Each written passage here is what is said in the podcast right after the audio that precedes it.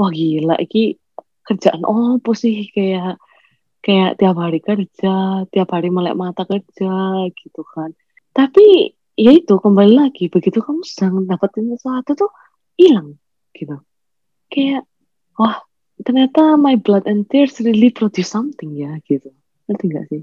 Kayak ya emang sih orang orang ngira kayak researcher gajinya kecil. Tapi loh kita setelah lulus ya kita dihargai orang gitu kita bisa kok earn banyak gitu. Maksudnya it's not all about the money lah gitu. Hmm. kayak ya tapi mungkin cowok pressure ya ada yang tak merit lah apa. Tapi hmm. kalau cewek lebih ke aku sebagai uh, ya ya aku bukan berarti aku feminis. Aku bukan berarti aku aku membedakan bedakan gender. Cuma kan memang di maksudnya di di komunitas kita ya kita tahu lah cowok harus lebih tanggung tapi ya apa ya? Kalau semua dibawa enjoy aja pasti kamu bisa menghasilkan sesuatu kok. Nggak semua nggak semua itu semua tentang uang gitu. Kamu lebih ngira lagi kalau misalnya nggak semua tentang uang. Pokoknya aku happy aku bisa melakukan apa yang uh, membuat uh, bring value to other people terus orang aku ngeliat orang lain happy tuh aku juga seneng gitu kan sih kayak wah. Tapi ya tadi, ya. tadi kan nah. bilang yang tahun pertama tuh ya sering nangis ada satu momen gak sih yang yeah. ngebuat uh, kayak ya this is it kayak uh, mungkin memang oh. ini bukan jalan gue nih gitu lah mungkin ini udah full stop lah gitu kayak maybe I should give up gitu pernah oh. gak sih jawaban kamu mau uh, jawaban nih nan yakin iya ya iyalah sampai second year gue sampai det sampai mungkin kemarin nan. Atau tadi pagi ya? Aku masih kayak I'm not a good researcher. Ngerti gak sih? I'm not a good researcher. Aku gak bisa. Aku gak bisa ini. Kayak gini terus. Aku gak bisa hidup kok penuh kekhawatiran. Mikirin orang ngapain sih mikirin diri sendiri aja gak kuat gitu kan. Hmm. tapi ya kembali lagi gitu it's my decision gitu. Nggak, uh, kenapa ya? Mungkin aku juga berterima kasih kepada mamaku yang selalu mengajari gini. Kamu kalau sudah, kamu kalau sudah kecemplung di kolam renang, ya harus kalau kamu awalnya nggak bisa renang, ya kamu pasti nangis gitu loh. Mau tenggelam, mau tenggelam terus. Hmm. Tapi kamu tuh harus gimana gimana ya harus bisa renang gitu loh. Ngerti nggak sih? Nggak boleh kayak ah, aku nggak bisa, aku nggak bisa, aku nggak bisa gitu. Hmm kamu nggak bisa terus ya minum air tuh tambah banyak gitu loh. Hmm. Tapi pasti tambah struggle gitu. Ya kamu harus nggak boleh pantang menyerah ya kamu harus find a way to you have to make it work anyway. It's your decision that you made. Hmm. Gitu. Tentu sih. Ya kayak ya of course kan kayak aku udah harus aspek karena aku harus uh, untuk melakukan untuk memilih jalan S3 ini aku harus tanya teman aku harus tanya senior gitu kan. Hmm. ya kamu harus come with expectation gitu. Jadi kalau misalnya kamu tiba-tiba wah gila ya ini beyond my expectation ya no matter what kick your ass you gotta work like like make it work gitu. Like get it done no matter what gitu. Nggak ada ceritanya sih kayak ya uh, maksudnya uh, apa mama aku juga mengajarkan kalau misalnya nggak orang tuh nggak boleh gampang menyerah lah intinya kayak gitu. Hmm. ya tapi pasti lah nggak mau mah nggak mau mah ya gitu. Ini udah hmm. ini ini adalah yang aku mau. You know what? Just do it rock the world please yeah. suka lah ya. Berarti kan itu up up and down ya up and down sih tapi ada nggak di yeah. yang you are like you are at the very bottom gitu yang bener-bener di bawah banget sampai yang nggak nggak bisa nih gitu like no pernah pernah pernah, pernah pernah pernah pernah pernah pernah tapi uh, jujur aja satu hal yang aku aku kuatkan uh, aku lakukan. Pernah aku di posisi itu kan dan itu nggak enak banget. Kamu tahu posisi aku apa yang aku lakukan? Hmm. nangis sekencang-kencangnya ya. udah selesai ya? Nangis. Udah selesai? Aku berdoa. Itu sih kunci utamaku. Cuma ya apa maksudnya? Aku yakin semua apa orang-orang yang kalau sudah berkeyakinan pasti tahu. Kadang itu permasalahan yang kamu temui itu kadang itu memang kamu nggak bisa berdiri sendiri. Hmm. ya last resort. Cuma tuh cuma doa gini. Tuhan kalau ini ini ini ini loh Tuhan gitu. Kalau aku berdoa memang aku menganggap Tuhan gue sebagai temannya. Jadi hmm. aku emang agak kurang ajar kalau ngomong. ya aku masih banget tuh aku kayak gini. Tuhan kalau misalnya bisa sih Tuhan gitu. Udah Tuhan aku tolong deh bantu aku Tuhan aku mesti gimana gitu. Kayak kayak apa namanya aku tuh udah gak kuat tuh Tuhan capek mau PhD, uh, PhD kayak gini bener apa bener ya ke Tuhan kata-kata orang-orang kalau misalnya PhD itu wasted dan gini Tuhan. Aku gak minta jawaban apa-apa ya Tuhan ya. Cuma aku tuh butuh kekuatan gitu. Cuma aku berdoa supaya semua tuh getting better gitu. Cuma itu sih doaku. Terus kayak, kayaknya Tuhan itu mungkin ya wis lah kasihan lah buat saya wis kayak hopeless udahlah gitu. Dan along the way kayak uh, aku merasa kayak eh dibukain jalanku ya. Maksudnya lama kelamaan kerjaanku jadi oke okay, profesorku nggak terlalu strict terus habis gitu semua ya it's just like coming along like everything is just coming along banget gitu. Jadi kayak kalau misalnya nggak bisa apa-apa sudah nggak bisa se berdiri sendiri ya mungkin last resort berdoa. Sekenceng-kencengnya aku nggak gini tapi ya mungkin kata-kata last resort itu mungkin ambigu nggak menjadikan doa itu sebagai kayak oh nggak bisa terus kalau udah terakhir nggak bisa gitu terus langsung doanya cuma di terakhir doang ya. enggak cuma maksudnya ya tiap hari ya harus doa kayak selalu minta hmm. kekuatan hmm. Tuhan tolong aku mau bantuan kayak aku aku butuh bantuan aku nggak bisa pasti berdiri sendiri gitu tapi untuk di titik itu kalau di Kristiani ya Anan, ada hmm. ayat yang gini memintalah maka kamu akan diberi. Hmm. minta sama Tuhan Tuhan bantu aku ya Tuhan ya. Aku udah begini loh Tuhan masa aku sih? Gitu. Malu nggak sih Tuhan? Gitu. Ya udah terus nanti lama-lama mungkin Tuhan tapi kamu harus tetap berusaha gitu. Mungkin Tuhan dari atas sana ngelihat kayak oh pasti udah berusaha semaksimal mungkin ini saatnya aku turun tangan gitu. udah berapa lama sih? Lu PSD satu setengah tahun ya uh, ya satu setengah tahun. Eh. plus enam bulan aku jadi research engineer. Jadi art research assistant gitu lah. Jadi research dua tahun lah ya berarti. Plus ini. Lulus dari NTHU 2018 kan? 18 lah. Iya. Iya iya benar benar. Benar benar benar. Oh kan aku mundur karena-karena aku Jepang. Aku baru lulus tuh November. Hmm, November 2018 Oh iya benar. Terus habis nah, itu langsung ya? Bener-bener langsung? Hmm, enggak, aku ke sini tuh Januari akhir. Aku sempat balik Indo dulu. Terus Januari akhir kerja sampai Juli, hmm. 6 bulan. Terus uh, bulan 8 awal aku masuk SD. Oh iya. 2019. Dua tahun. Nah, sampai dua tahun ini uh, sudah adakah hasil yang Hmm, apa buah yang dihasilkan. Uh, puji Tuhan satu poster sih. Itu aku publish Oktober kemarin. Hmm. tapi ya itu nah tapi sedih covid kan nggak bisa jalan-jalan. Oh iya benar kan hati kan jalan-jalan makanya padahal lo padahal lo harusnya di itu Yunani. At, eh Greece. Wow, di Aten ke Greece seru kan? Wow. seru kan seru kan? Ya tapi nggak bisa karena covid. Ya oke lah gitu. Berarti ya terus trik triknya mm -hmm. lo itu jangan mm -hmm. jangan ada publikasi sampai kira-kira bisa oh. Iya. jangan. Jangan Jadi, kan gue gak lulus kira. ya udah gak apa-apa. Gila ya. Wait nggak nggak nggak nggak apa-apa. Maksudnya tinggal tinggal publish aja. Maksudnya disimpan dulu jangan publish dulu tapi udah mantap nih gitu. Jadi publish dulu. Jadi nanti begitu di gitu. Ya? travel publish tapi begitu selesai nggak lama publish. Langsung travel iya langsung travel travel lagi. Nggak nan selalu ada publikasi itu nggak pernah berhenti. Masih ada terus. Jadi ya ya nggak apa-apa. Nanti waktu travel ya terus. Lanjut terus publish terus gitu. Maju terus. Publikasi satu. Hmm. uh, ada rencana ada ngerjain project yang produk prototype produk jadi nggak?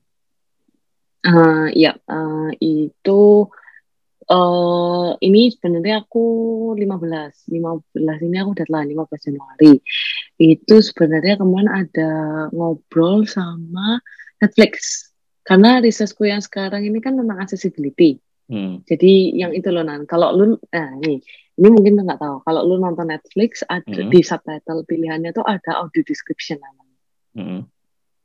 Nah itu itu tuh buat membantu orang-orang buta karena mereka kan bisa lihat yeah. jadi mereka tuh pakai audio description ini karena audio description ini menjelaskan scene-scene yang dilakukan di dalam mm-hmm. ini film ini gitu. Mm-hmm. Nah, researchku ini adalah gimana caranya kita tuh bisa membuat net uh, audio description ini dari orang-orang yang nggak nggak terlatih. Ngerti nggak sih? Gimana caranya kita bikin sistem ini yang membantu orang-orang yang novice lah istilahnya yang amat, amat hmm. apa amatiran itu untuk bisa bikin audio description.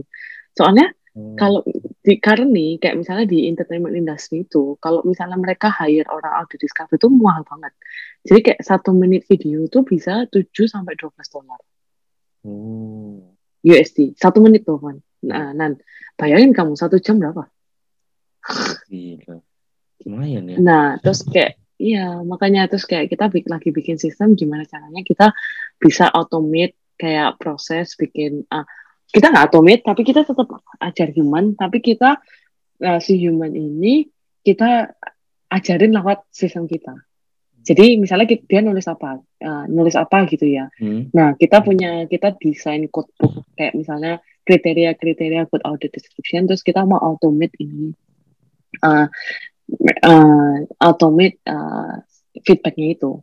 Jadi misalnya dia, jadi sistem kita tuh bisa understand kamu masukin apa, terus kita ya di back end kita tuh kayak menganalisa ini bagus nggak atau komen apa yang kita harus kasih ke orang ini supaya orang ini bisa benerin sesuai guideline audio description yang bagus gitu.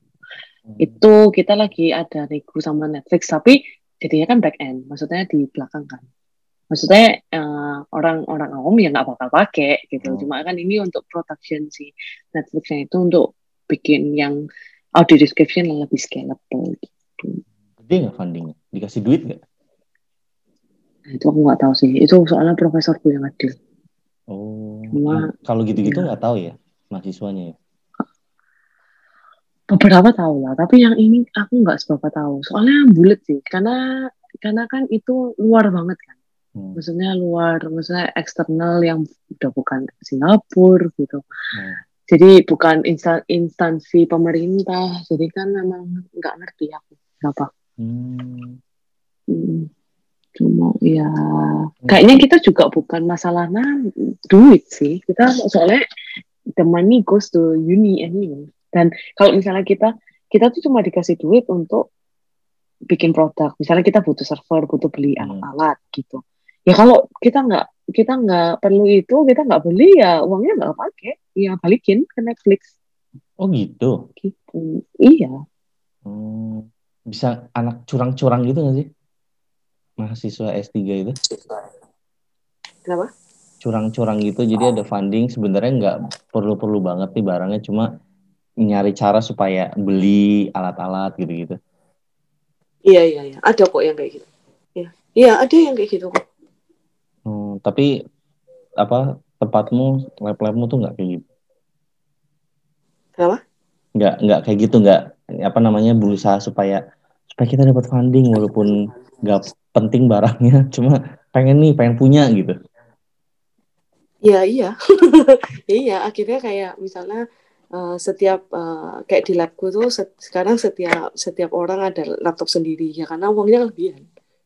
Hmm. Terus kayak di, di, dikasih dari dari kantor ya bukan dikasih lah maksudnya kalau kalau udah selesai ya dibalikin hmm. tapi maksudnya sekarang kayak aku ya nggak nggak pakai laptop pribadi so laptop kantor terus oh. kayak apa ya nah kan apalagi sekarang kan itu kan funding termasuk funding buat travel kan eh nan buat apa jadi kayak travel travel traveling oh, okay. nah sekarang covid nggak bisa traveling ya apa hmm. Hmm sedih nah, terus sekarang big question lagi nih uh, yes. apa namanya dan ya kayaknya udah berapa lama sih kalau dilihat sih udah dua jam lebih ya Gila panjang banget. Ini adalah yang terpanjang sih kayaknya sih dua jam. Bisa gue potong nanti gampang. Potong jadi okay. berapa part? Lumayan. Oke okay, siap. Pastinya jadi banyak. Ya, terus setelah PhD hmm. itu, setelah S3 itu, uh, titel apa sih yang didapat? Dan abis itu ngapain? Karena kan uh, apa yang kayak ada istilah postdoc, terus uh, ini yang begitu-begitu loh, yang itu kan uh, jenjang kan masih ada jenjang karirnya lagi deh. Secara jenjang kan masih hmm. ada levelnya lagi. Setelah S3 hmm. apa, apa gitu. Oke, okay. Secara title setelah lulus kita titlenya adalah doktor. Oh, lulus S3 itu doktor. Yes. Jadi hmm. nanti ya. Aduh, amin amin berapa empat tahun lagi deh. Empat tahun lagi kalau misalnya uh, gue lulus, tolong uh, title-nya diganti ya, Dokter Natalie ya, wes.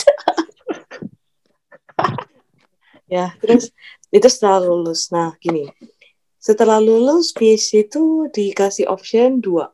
Uh, uh, misalnya jenjang karirnya itu bisa dua. Yang pertama adalah masuk ke corporate, hmm. jadi masuk industri.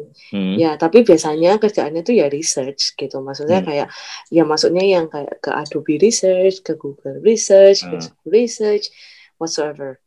Nah, atau ya jadi software engineer paling kayak misalnya apa uh, senior uh, senior data anal uh, data analyst kayak hmm. gitu gitulah. Hmm. Nah, atau itu tapi biasanya ya biasanya sih orang nggak hmm. ambil yang itu karena mereka pikir ya kalau misalnya jenjangku akhirnya ujung-ujungnya masuk industri ngapain aku PhD gitu kan orang orang kamu masuk industri lo nggak butuh title tinggi tinggi gitu kan okay. nah makanya aku setuju sama yang si Albert yang kamu bilang tadi di awal itu, hmm. yang kamu bilang katanya kalau kamu nggak mau masuk industri, eh akademia nggak perlu ngambil ngambil PhD. Itu aku setuju. Nah, akademia jenjang akademia adalah menjadi dosen. Okay. Ya, ini dosen tuh ada dua macam nan. Sebenarnya itu dosen ada dua macam, tapi enggak di kayaknya di Indo kurang terekspos ya. Hmm. Cuma uh, kalau di luar negeri itu ada yang namanya tenure track, ada yang namanya practice track atau kalau di Singapura itu ada tiga berarti. Namanya teaching track. Oke? Okay? Okay. Kalau misalnya yang tenure track itu eh salah salah aku aku ngomongin dari yang uh, bawah dulu. Education track itu cuma jadi profe, uh, jadi instructor in the sense that kamu di hire untuk purely 100% untuk ngajar. Jadi kayak hmm. kamu nggak perlu research, kamu nggak perlu cari funding, ya yes, pokoknya kamu ngajar aja gitu hmm. kayak oh ya ngajar intro programming, database, hmm. whatever. Itu education track. Okay. Nah, practice track adalah kamu ngajar itu 20% research. Jadi hmm. Uh, tapi nggak nggak research juga jadi kayak apa ya jadi researchnya itu nggak terlalu mandatory jadi ya kamu tetap uh, kamu tetap ngajar tapi kamu nggak sepenuhnya ngajar kamu juga harus pikirin gimana caranya kamu cari funding terus gimana caranya kamu uh, apa namanya kayak cari funding terus kayak melebarkan sayap lah hmm. tapi kalau practice track itu kontrak Oh, okay. Nah, kontrak. Jadi kayak biasanya tuh setahun gitu. Nanti kontrak lagi setahun lagi, oh, nanti kontrak lagi setahun lagi gitu. Nah, ada yang namanya tenure track. Ini biasanya yang paling mentereng lah istilahnya, hmm. paling necis lah istilahnya. Hmm. Itu tuh kalau yang tadi 80% ya, ya kalau yang tadi 80% ngajar, 20% research, hmm. kalau yang ini aku bilang 100% ngajar, 100% research. Gimana tuh ngomongnya? Jadi Wadah. kerjanya double. Ya, hmm. jadi kerjanya double. Kamu perlu harus mikir research, kamu harus hire ini PhD, PhD candidate, terus kamu harus punya post postdoc which is I will explain about postdoc later. Terus kamu kayak which is kamu harus kayak ngajar juga gitu hmm. tapi jumlah kerjaannya tuh loh banyak ngerti gak sih ngajar itu juga kayak banyak gitu terus ngajarnya itu ngajarnya master master degree itu loh kan eh hmm. Safan nan yang kayak bener-bener kayak yang kelasnya yang kelas postgrad gitu. Yeah. Nah itu biasanya si tenure track ini atau yang biasa disebut sebagai full time faculty.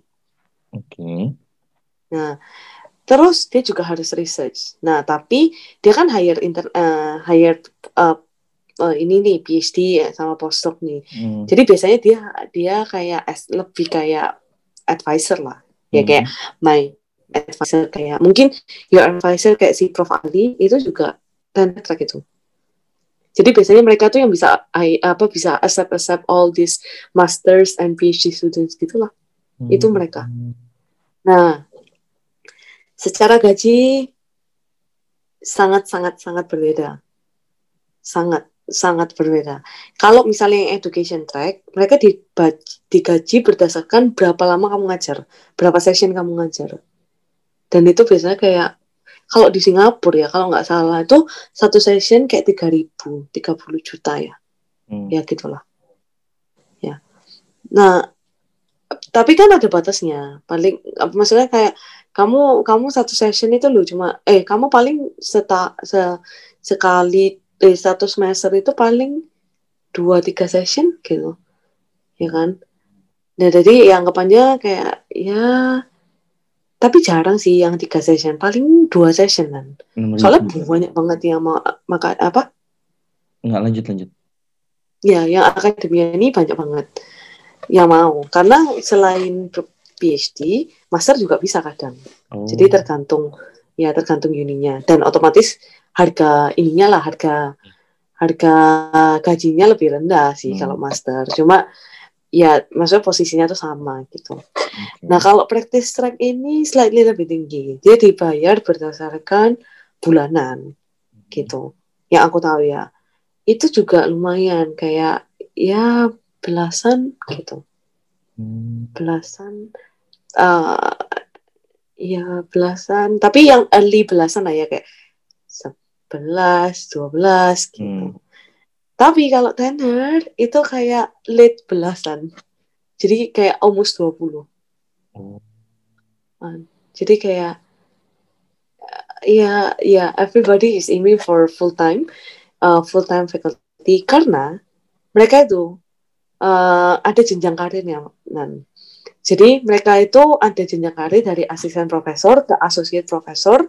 Hmm. terus jadi ya jadi sesepuh lah. Tapi biasanya yang paling kelihatan cuma asisten profesor sama associate. Jadi asisten profesor kamu tuh di kayak probation. Hmm. tapi probation kamu di di probation itu nggak nggak kayak nggak kayak orang corporate cuma tiga enam bulan enggak hmm. mereka di probation itu tujuh tahun. Gila. Iya, tujuh tahun. Jadi, kam, uh, jadi uni itu nggak boleh mecat kamu ya kecuali kamu apa ya like sexual harassment yeah. apa ya buat orang bunuh diri lah misalnya kayak gitu hmm. tapi in that seven years you can uh, the university has no right to you know cut you off itu yang tenure tapi iya yang tenure hmm.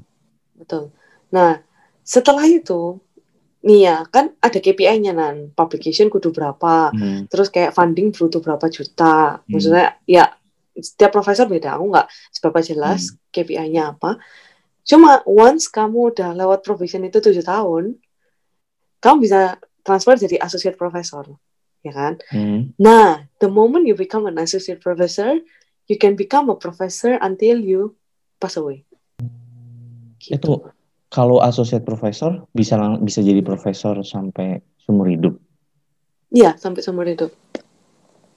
Jadi uh, asosiat profesor dan profesor ini levelnya sama apa gimana maksudnya?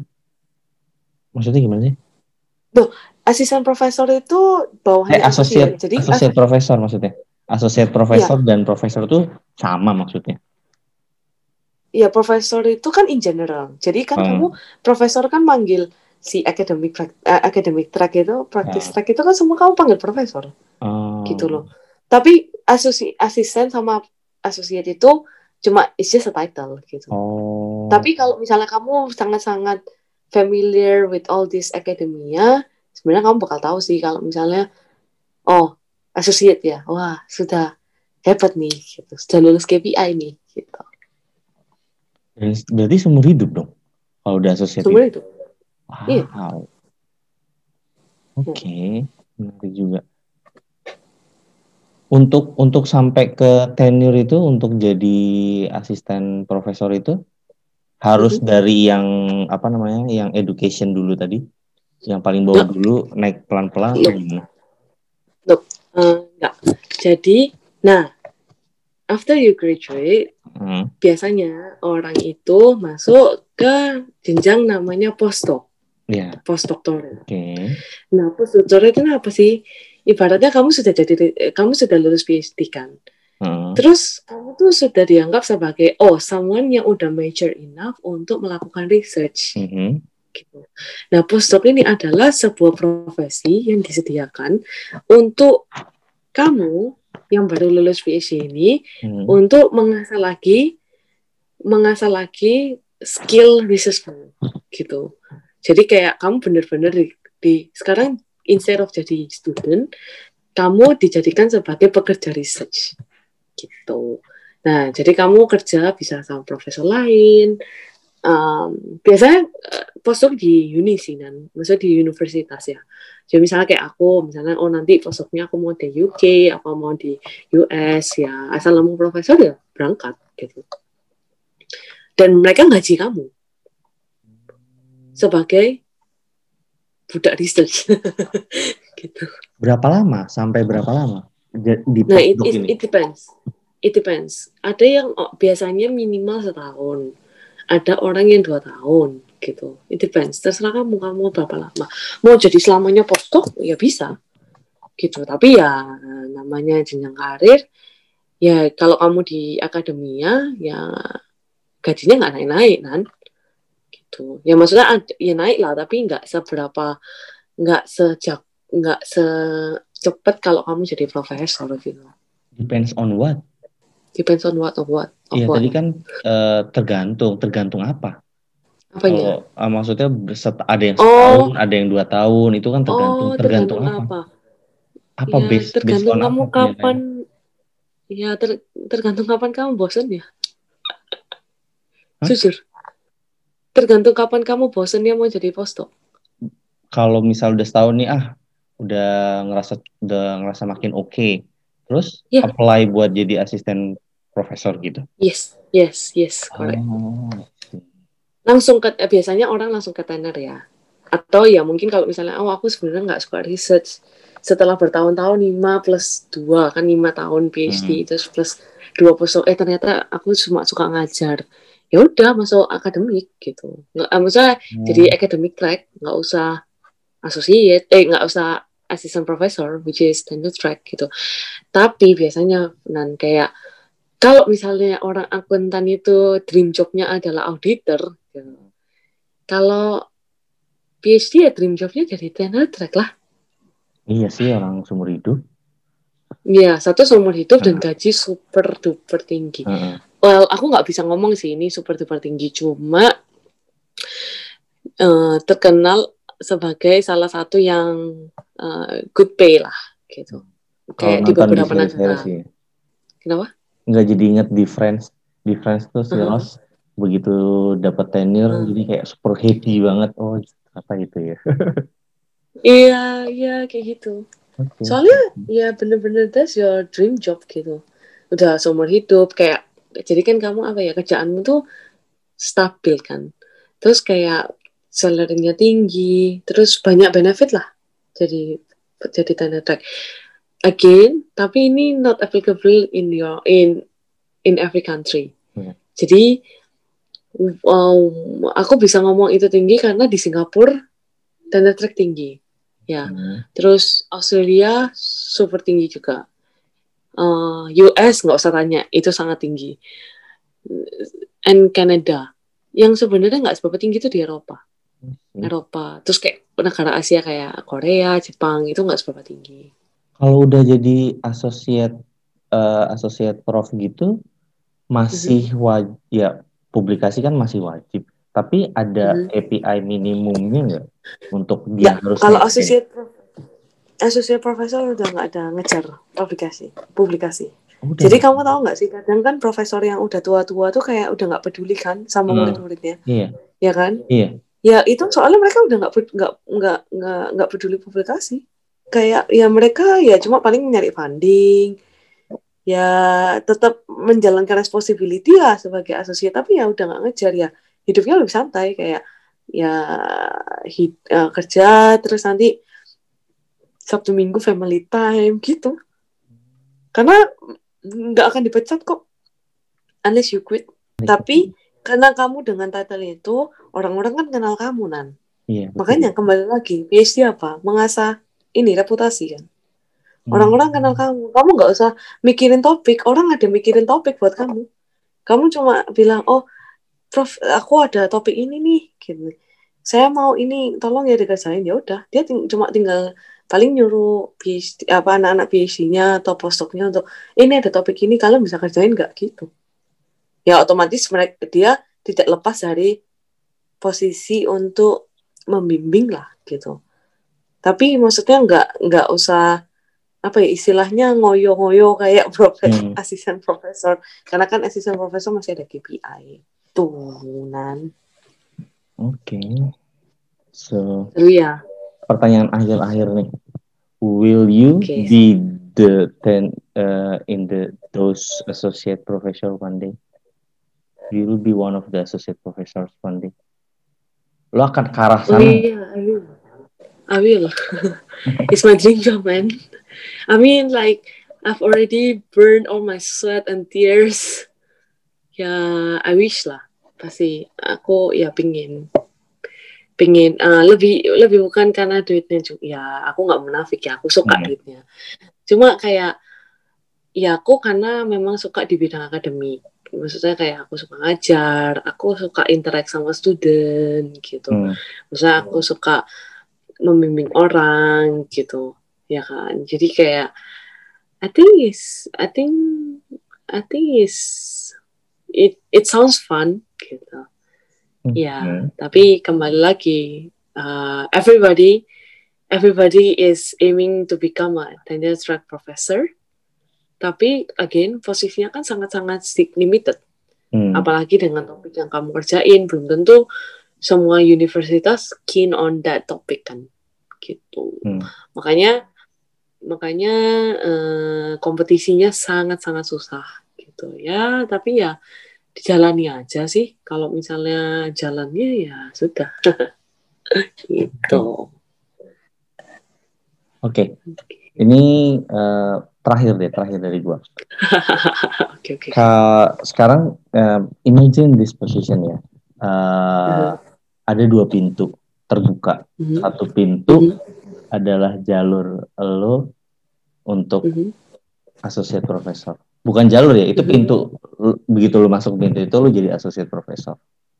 Uh-huh. pintu satunya itu adalah uh, corporate a company yang bergerak di bidang yang sangat lo suka yang they will provide you a lot of things that you need. Everything that you need. Semua mulai dari hmm. pelatannya uh, segala sumber daya. Mau uangnya orangnya mereka akan nyarikan lo yang terbaik you will lead the project hmm. gitu. Which one that we will choose? Sekarang aja. Ini kan pertanyaan ini kan hanya imajinasi lo dengan posisi lo yang sekarang. Gitu ya. You have to choose ya nggak boleh uh, mau dua-duanya. Depend gitu, gitu. Mau... Jadi, masuk satu satu akan ketutup pintunya gitu. Mana yang akan lo pilih? Let me think. Hmm. Hmm I think I will choose to be a professor to be a professor and the reason uh, soalnya gini kalau di corporate, oke okay lah kalau misalnya corporate itu misalnya kamu ngomong big big company kan, like Google, misalnya Microsoft, yeah. apa Google, jelas sih gitu kan. mereka yang akan mereka yang sanggup memprovide lo apa aja. Iya iya iya. Uh, karena gue merasa gue ada responsibility untuk menjadi seorang istri dan menjadi seorang ibu di kemudian hari. Okay. Gitu. Oke okay lah, mungkin jujur corporate akan membayar aku lebih tinggi ya kan pasti hmm. itu kayak nggak nggak nggak bisa ngelawan gitu dan mungkin ya based on what you say dia kan bakal ngasih everything that I need ya flex bandnya hmm. lebih tinggi ya, inilah pasti kan corporate ada apalah bla bla bla bla hmm. gitu kan tapi I can imagine ya that kind of life will be very hectic ngerti gak sih hmm. kayak soalnya aku melihat sih kayak profesor-profesor yang mereka if, uh, not profesor lah beberapa researcher researcher yang aku tahu gitu yang aku lihat di conference-conference yang aku pernah temuin itu hmm. wah mereka tuh gila loh nan mereka tuh bisa kayak pulang ke rumah tuh nggak tahu kapan loh nan hmm. kayak hidupnya tuh di corporate terus kayak oh nanti aku mesti konven ke sana ke sini ke sana ke sini gitu kan. Oh hmm. aku talk ke sini gitu kan hmm. publik gitu. Susah sih gitu. Dan aku membayangkan kayak aku ya itu aku akan menjadi seorang istri dan menjadi seorang ibu. Aku nggak boleh egois gitu.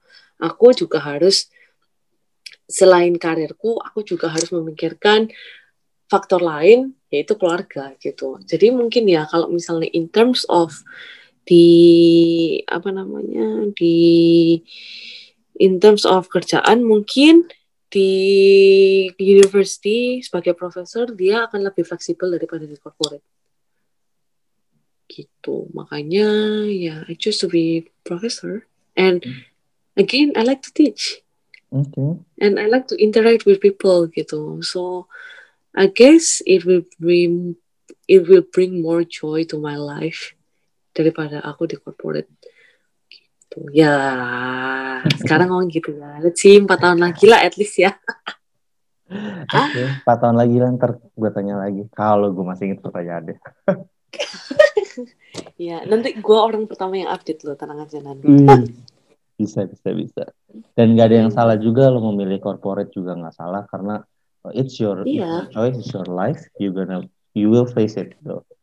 Sama kayak yeah. yang iya. semua yang terjadi sekarang ke lo kan gitu. Lo udah ini adalah pilihan lo dan lo udah tahu iya. konsekuensinya apa ya lo harus iya. jalani ya kan betul betul ya emang sih kayak membuat satu decision itu berat ya kan dan lu yeah. nggak tahu kan apa ya kayak mau ngambil apa ya nah. ini ini oke okay, tapi trade offnya ini ini gini gini gini hmm. tapi gimana ya teman-teman kayak setelah kamu membuat satu decision no matter what happen you have to get it jangan udah bikin ah iya ya nyesel ya aku kok nggak ambil ini gitu karena menurutku ya eh, decision yang kamu ambil itu sebenarnya ada maksud kok dibalik semua decision yang kamu ambil hmm. itu. Pasti ada hikmah yang kamu nggak sadarin kayak eh dulu ya coba aku ngambil kesalahan itu. Aku pasti nggak ketemu dia nih misalnya gitu. Hmm. atau misalnya oh aku nggak bisa nih kayak traveling misalnya kayak gitu. Jadi kayak jangan mikirin kayak penyesalan itu. Coba tapi kamu harus mencoba pikir di sisi lain apa sih yang kamu sebenarnya kenapa sih kamu diposisikan di decision ini. Kenapa kamu ngambil posisi decision ini? Gitu. Pasti ada sesuatu gitu. Iya sih. Jadi aku mencoba itu itu. Oh tapi jujur ya itu berat kan kayak wah gila. Itu kayak sedih banget tuh kalau salah apa segala macam. Tapi kalau dipikir-pikir iya ya coba aku ngambil itu. Pasti nggak bisa gini gitu. Selalu think positif aja lah gitu. Itu sih yang aku rasa penting ya nggak nan? Percaya hmm. setuju nggak om? Setuju setuju setuju. Setuju lah untuk sungkem sama yang PhD harus sungkem. Ya jangan gitu. Enggak enggak enggak just kidding kita selepel kita selepelan oh gitu. enggak itu tidak. Kalau itu tidak. cuma, cuma degree aja nan yang nggak yeah. selevel. Sorry yang lainnya masih Oke lah, ini kan udah gila udah setengah. Gila ini benar-benar memecah rekor banget sih. Ya gila. Kita nih ada eh, ada ini ya, ada curcol-curcolnya dikit ya nanti ya. Maafkan aku. Yeah. Kalau mau dikat-kat silakan. Enggak lah. Kan gue gak akan gue gak ada akan gak akan ada yang gue potong sama sekali sih. Termasuk uh, yang tadi yang post-post itu gak akan gue potong. Jadi cuma ngepotong jadi part aja. Jadi ini kayaknya bakal jadi tiga part kayaknya sih cocok sih. Lumayan. Oke okay, oke okay, oke. Okay. So untuk Wah, untuk untuk nutup nih Ros. Um, yes. Give give the listeners something uh, kasih petua-petua deh untuk mereka-mereka yang pengen melanjutkan kuliah ke S2 ke S3 atau kuliah ke luar negeri gitu uh, hmm. give something to motivate them bahwa okay. uh, ya pokoknya just give them wisdom lah gitu kasih mereka pertanyaan okay, okay.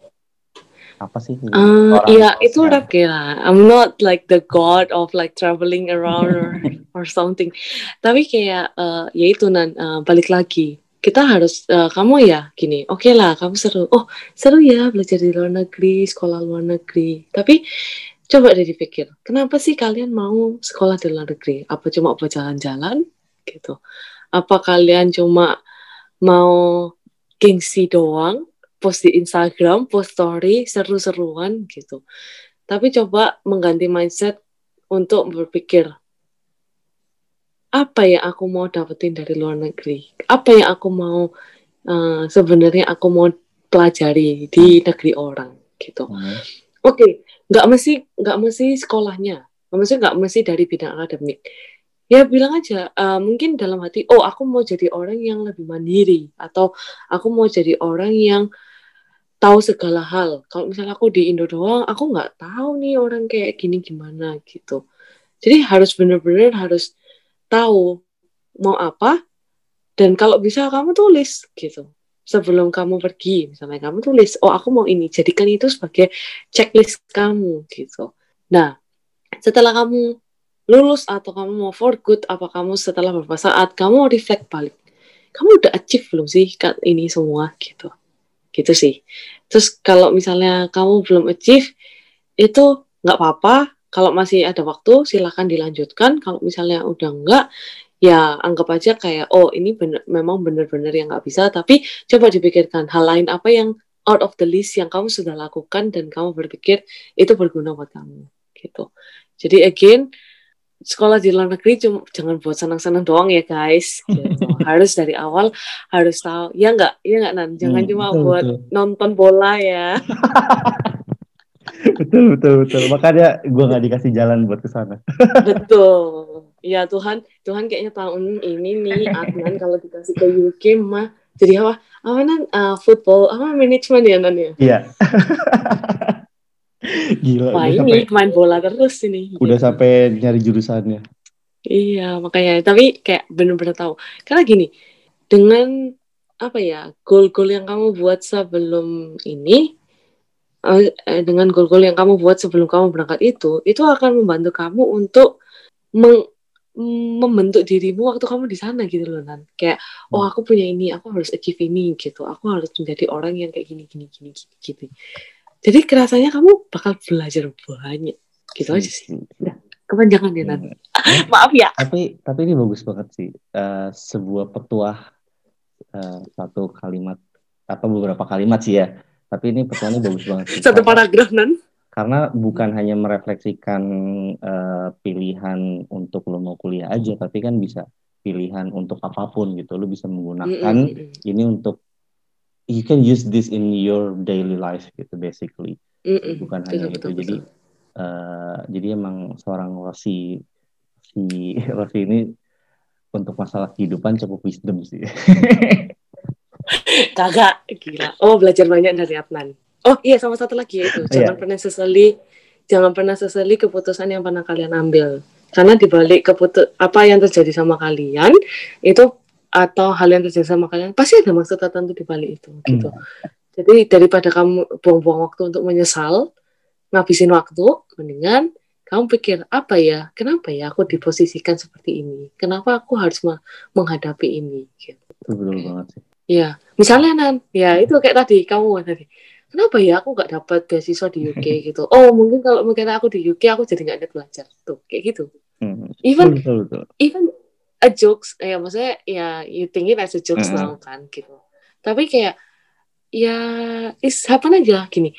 Jujur ya, aku tuh oh iya tadi uh, sedikit menyinggung tadi yang aku kenapa aku pilih NTHU kan aku nggak keterima di UK eh salah UK samaan Australia ya itu uh. itu aku sedih nan gitu sedih soalnya apa ya ya gimana ya nan ya yuk yuk apa Australia bandingan Taiwan ya lebih mentereng Australia ya nggak sih uh, betul ya kan hidup lebih enak ya mungkin aku nggak tahu cuma maksudnya kayak hidup barat lebih ya lebih necis lah kalau yeah. ditanya orang sekolah hmm. di mana Australia gitu hmm. daripada sekolah di mana Taiwan gitu kan kan hmm. kurang gembreng gitu yeah. nah yeah. tapi tapi setelah aku lulus gitu setelah aku lulus dari PhD dalam hatiku gini gila kalau aku mungkin kalau di Aussie aku gak jadi PhD ya gitu kayak hmm. mungkin aku nggak ada kesempatan untuk ketemu orang uh, those amazing people di conference ya gitu hmm pasti kan soalnya di Aussie aku cuma nggak ada research aku kan hmm. cuma course course doang iya. ya kan iya. wah gila gitu kayak oh kenapa ya oh, oh makanya aku bener-bener di sini ya gitu. Kayak ini jalanku gitu. Ini memang bener-bener jalan yang memang untuk aku gitu. Hmm. gitu. Makanya dibalik semua decisionmu tuh pasti ada sesuatu yang mau membentuk hmm. kamu di kemudian hari gitu. Sip. Things happen for reason kan yes yes yes yes. Nah buat yang mendengarkan kalau lo mau bisa se wisdom ini makanya S3 lah kan gue udah tahu. S3 lah. Makanya gue tidak bisa se wisdom dia karena gue belum S3 Parah Luna, nggak boleh gitu. Ya, tapi jujur loh, ayo orang Indonesia, ayo S3 sini, gila. Jarang aku nemu anak uh, S3 orang Indo. Banyak tuh ya. Vietnam India tuh banyak. Indonesia jarang. Nggak tahu kenapa. Karena uh, mentality yang kalau ini kalau dari gue berkaca dari komunitas aja ya yang gue ikut. Karena hmm. mentality yang terbentuk itu adalah uh, begitu kerja maka lo akan ada tanggungan yang lo harus menanggung gitu which hmm, uh, completely true sebenarnya gitu. Kan uh, walaupun lo dari keluarga pas-pasan tapi kalau memang niat lo untuk sekolah mungkin aja orang tua lo mau membiayai. Tapi sekarang mentalitinya tuh akan ada beban di seorang anak ketika lo lulus kalau lo harus cari kerja supaya lo yang bisa menggantikan hmm. mencarikan nafkah untuk mengganti semua yang udah biaya yang keluar gitu sih jadi hmm. jadi uh, mencari kerja untuk apa karena ada beban ini gitu loh bukan bukan ada keikhlasan hmm. lo cari kerja untuk uh, apa namanya menjadi tulang punggung kan beda ya kalau lo kerja hmm. jadi beban dan kerja karena lo ikhlas gitu sama ya kayak belajar juga sama kayak gitu sih jadi mental hmm. mentalitas itu sih dan nggak apa namanya ngeliatnya kan S3 tuh wah gila gue harus belajar empat tahun lagi baru lulus hmm. kerja gitu padahal ternyata tadi kan jenjangnya apa namanya lu bisa travel terus uh, pokoknya lu bisa dapat duit dan segala macem lah gitu terus juga hmm. nggak hmm. cuma belajar doang setelah itu gitu kan banyak juga orang yang nggak tahu gitu terus kalau abis S3 mm, yeah. mana gitu kalau ujung-ujungnya yeah, yeah. balik lagi ke kantor ngapain gue S3 gitu capek-capek ngelakuin gitu. Betul betul betul. benar gitu sih. Kalau dari komunitas di Bekasi yang gue ikutin sih banyak oh. yang pola pikir kayak gitu sih. Nggak tahu ya kalau yang Jakarta gitu itu gue tahu sih. Karena kan yeah. uh, informasi juga beda. Tergantung yeah, sih. Uh, informasi yang didapat sih. Iya, tapi ya jujur aja jalan. Aku salut sih sama orang-orang ya nggak mm, rasis, cuma aku salut sama orang-orang Vietnam itu. Soalnya kan aku pikir, oh orang Indo paling ke, kepingin cepat-cepat nih merit, hmm. ya kan. Jadi kayak mungkin mereka beban, terus mereka cepat-cepat pengen kerja, hmm. terus pengen cepat dapat duit. Tapi orang-orang Vietnam itu keren loh. Maksudnya mereka masih kayak ya merit terus kayak istri itu ya mendukung gitu kayak hmm. oh ya suamiku PhD ya dengan gaji ke, uh, yang enggak setinggi kalau corporate tapi aku tetap mendukung. Nah ini loh yang aku pengen pelajari gitu. Oke okay, let's not talk about PhD doang ya tapi kayak misalnya untuk orang yang dibalik dibalik layar PhD which is mungkin ya suami kamu apa istri kamu apa orang tua apa misalnya anak kamu in the future gitu ya itu harus didukung sih nan. Hmm. PhD itu. Gitu kayak dukungan orang support orang tuh penting. Karena uh, ya maksudnya kalau kamu tuh terus kayak stuck mereka dari belakang kamu tuh nggak ada uang. Apa namanya? Uangnya ke, apa hmm. dikit hmm. PhD itu gini gini gini. Kamu tuh jadi kayak aduh ngapain ya aku PhD gitu. Hmm. gitu loh. Tapi kalau kamu mendukung itu PhD is, is not that bad and after all gitu. Jadi kalau misalnya ada apa ada yang yang PhD PhD gitu ya kamu sebagai support system dia ya support aja gitu. Jangan malah apa ngapain bawa uang. Hmm. PhD PhD gitu ya. Gitu. Kalau dari gitu. segi dari segi gue nggak sih dari segi ekonomi bukan uh, jumlah yang harus keluar ya uang untuk biayanya cuma dari segi hmm. ekonominya ini sebenarnya untuk orang lulus S1 atau bahkan sekarang kan SMK D3 aja tuh udah udahlah gue nggak usah lanjut gitu cari duit aja gitu karena nggak ada uang buat kuliah gitu kayak gitu gitu kan hmm. juga ada untuk nge-build karir di uh, begitu lulus juga sampai di tahap hmm. lu bisa gaji 20 juta per bulan itu hmm. juga lumayan panjang hmm. kan itu sama juga sih kalau PhD juga harusnya dilihatnya juga sudut pandang kayak gitu gitu. Untuk lu bisa ke tenure kan eh, empat uh, tahun plus dua postdoc kan. Iya iya iya kan? iya betul, Plus tujuh yang probation itu tadi kan sebelum untuk lu jadi lu associate kan. Iya betul betul. Jadi secara ya, secara ya. angka sebenarnya sama gitu. 12 tahun eh uh, empat empat dua tujuh berarti berapa tuh? 6 13 tahun 13 tahun ya, PhD sampai ke associate sama 13 tahun karir in the end lu sama-sama akan mendapatkan kalau sama-sama ini ya sama-sama kerja keras hasilnya pun juga akan sama bagus betul, cuma betul, betul. mindsetnya aja sih yang belum belum kebangun sih makanya hmm. ya penting sih nge-explore yang S3 S3 apalagi yang buk apalagi lu lagi menjalani jadi kan enak nih real experience gitu loh. Makanya tadi gue iya, iya, tanya uh, momen terberat apa yang sampai di bawah lo mau nyerah banget itu ada nggak kayak gitu. Ya jadi biar biar pasti tahu. ada uh, eh. Tapi lo nan hmm? kamu lo kerja di corporate emang nggak pernah pengen quit kerja? Ya pasti pernah lah. Iya pernah. Ya gak sih? Iya sama kan? makanya hmm. sama kan? I don't know kayak mereka tuh apa kayak orang itu selalu kayak ngira bis itu extraordinary gitu. Sama geng sama. Ya kayak emang kerja emang nggak pernah stres gitu. Emang kerja nggak belajar. Kerja juga belajar kali gitu kan.